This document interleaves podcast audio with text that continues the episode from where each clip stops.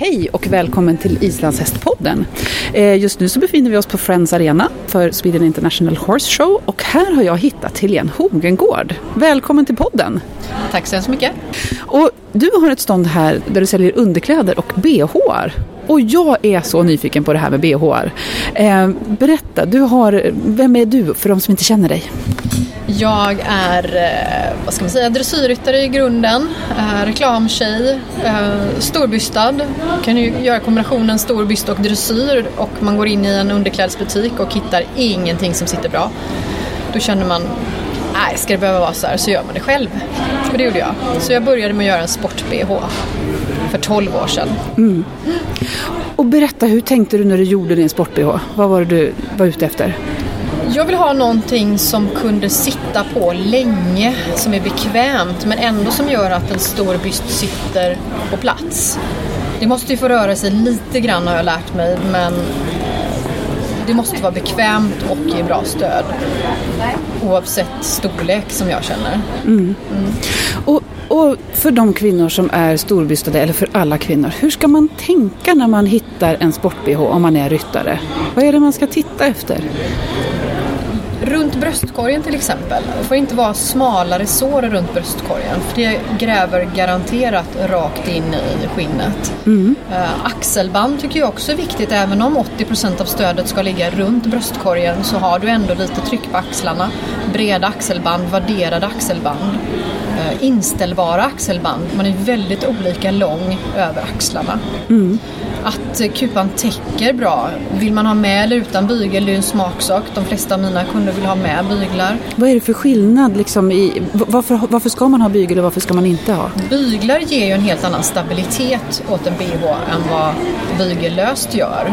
Så att det finns någon eller ett par utan byglar. För stor byst pratar vi nu då. Ja. För mindre finns det ju fler. Men för stor byst så finns det kanske, jag tycker att en eller två som är utan byglar som är riktigt bra. Men stabilitet kommer ju ifrån byglarna. Mm. Det gör det. Mm. att kupan lägger sig på ett bättre sätt, kommer närmre kroppen. Mm. Och byglarna ska ju heller inte nöta mot kroppen så det, den måste vara väl inbyggd i bhn. Ja, just det.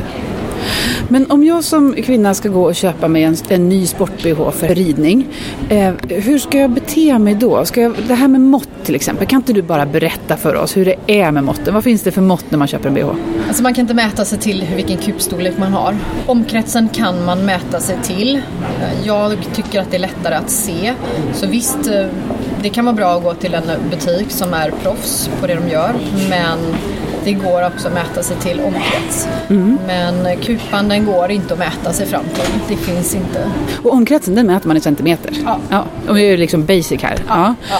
Ehm, och, och, då ska den inte, du sa, berätta om det här med omkretsen, att det var där stödet var. Ja, 80 procent av stödet ligger ju runt bröstkorgen. Ja.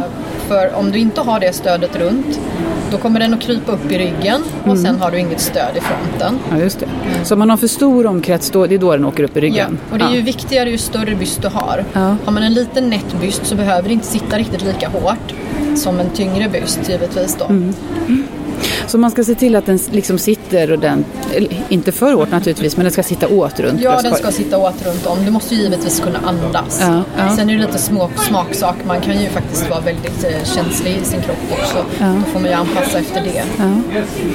Och det här med kupstorlek, berätta om det. Kupstorlek är ju en djungel eftersom kupstorleken är ju inte statisk. Alltså en B-kupa kan vara kiwi och en B-kupa kan vara meloner. Det beror på hur stor du är runt din bröstkorg. Okay. Så om du minskar omkretsen så minskar kupan också. Ja. Så en 70D och en 85D, det är ju helt två olika världar. Ja. Det måste man ju komma ihåg. Så det är liksom storlek, lite man kan tänka storlek i byst proportionerligt mot, mot bredden på bröstkorgen på något ja, sätt? Ja, lite så. Ja. Mm. Ja. Så ändrar man då sin omkrets eh, och behöver gå ner i omkrets, mm. då får man tänka på att då kanske man behöver gå upp i kupa om du ska ha samma kupstorlek. Ja, just det. Och hur vet jag om jag har rätt kupstorlek? Vad är det jag ska titta efter när bhn sitter på? Mm. Glipade då kan det vara att kupan är för stor men det kan också vara att axelbanden är för långa. Ja. Och då blir det en glipa längst upp på kupan. Ja. Eh, Börjar du puffa eller du får fyra tuttebröst Ja. i tröjan, då är den ju givetvis för liten. Då kanske du behöver gå upp både en och två storlekar. Ja. Så det är de två sakerna. Men som sagt, det är inte alltid att kupan är för stor bara för att det blir en liten glipa längst upp. Det kan också vara axelbanden som behöver korrigeras.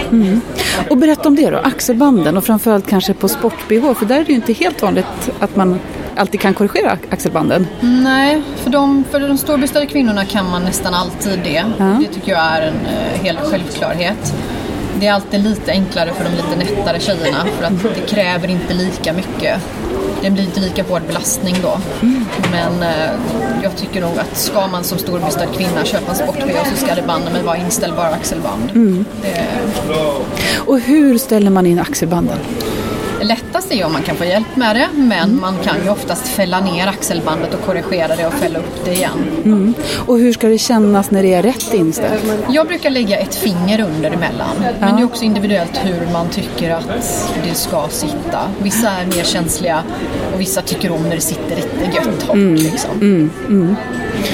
Så, men du sa att det var 80 runt, runt Ja. eh, eh, bröstkorgen så då blir det 20% kvar till vikten i Eller axelbanden då? måste ändå ge lite stöd för att eh, det ska ligga rätt över den övre delen av kupan. Ja, just det. Ja. Har du någonting mer som du skulle vilja liksom berätta eller inspirera oss kvinnor om när vi ska köpa en bh? Jag tycker att eh, lägg några hundra lappar extra på en bra kvalitet, vårda den. Eh, Jag har tvättinstruktion till exempel som eh, om man har en bygel-bh och så vill man gärna tvätta den i maskin. Generalfelet kan man rätt snabbt säga att det är att man trycker maskinen för full. Spara dina bhar genom att tvätta dem med bara några stycken.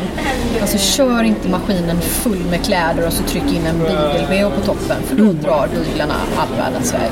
Alltså det är nästan garanti på det. Så det går att tvätta bygel-bhar men måste vara lite mer eftertänksam. Och sköljmedel är bajs. Okej. Sköljmedel gör att gummitrådarna de torkar och smular sönder. Och det gäller inte bara underkläder utan det gäller jeans och tröjor. Alltså är det lite stretch, det vill säga elastan eller lycra i, då är sköljmedel blä. Använd inte det. Okej. Det kan man ha till handdukar och sånt om man vill att det ska lukta gott. Och Men Inte till eh, elastan och lycra. Tusen tack Helene Hongård för alla råd om hur man hittar en bra sport-bh. Tack ska ni ha.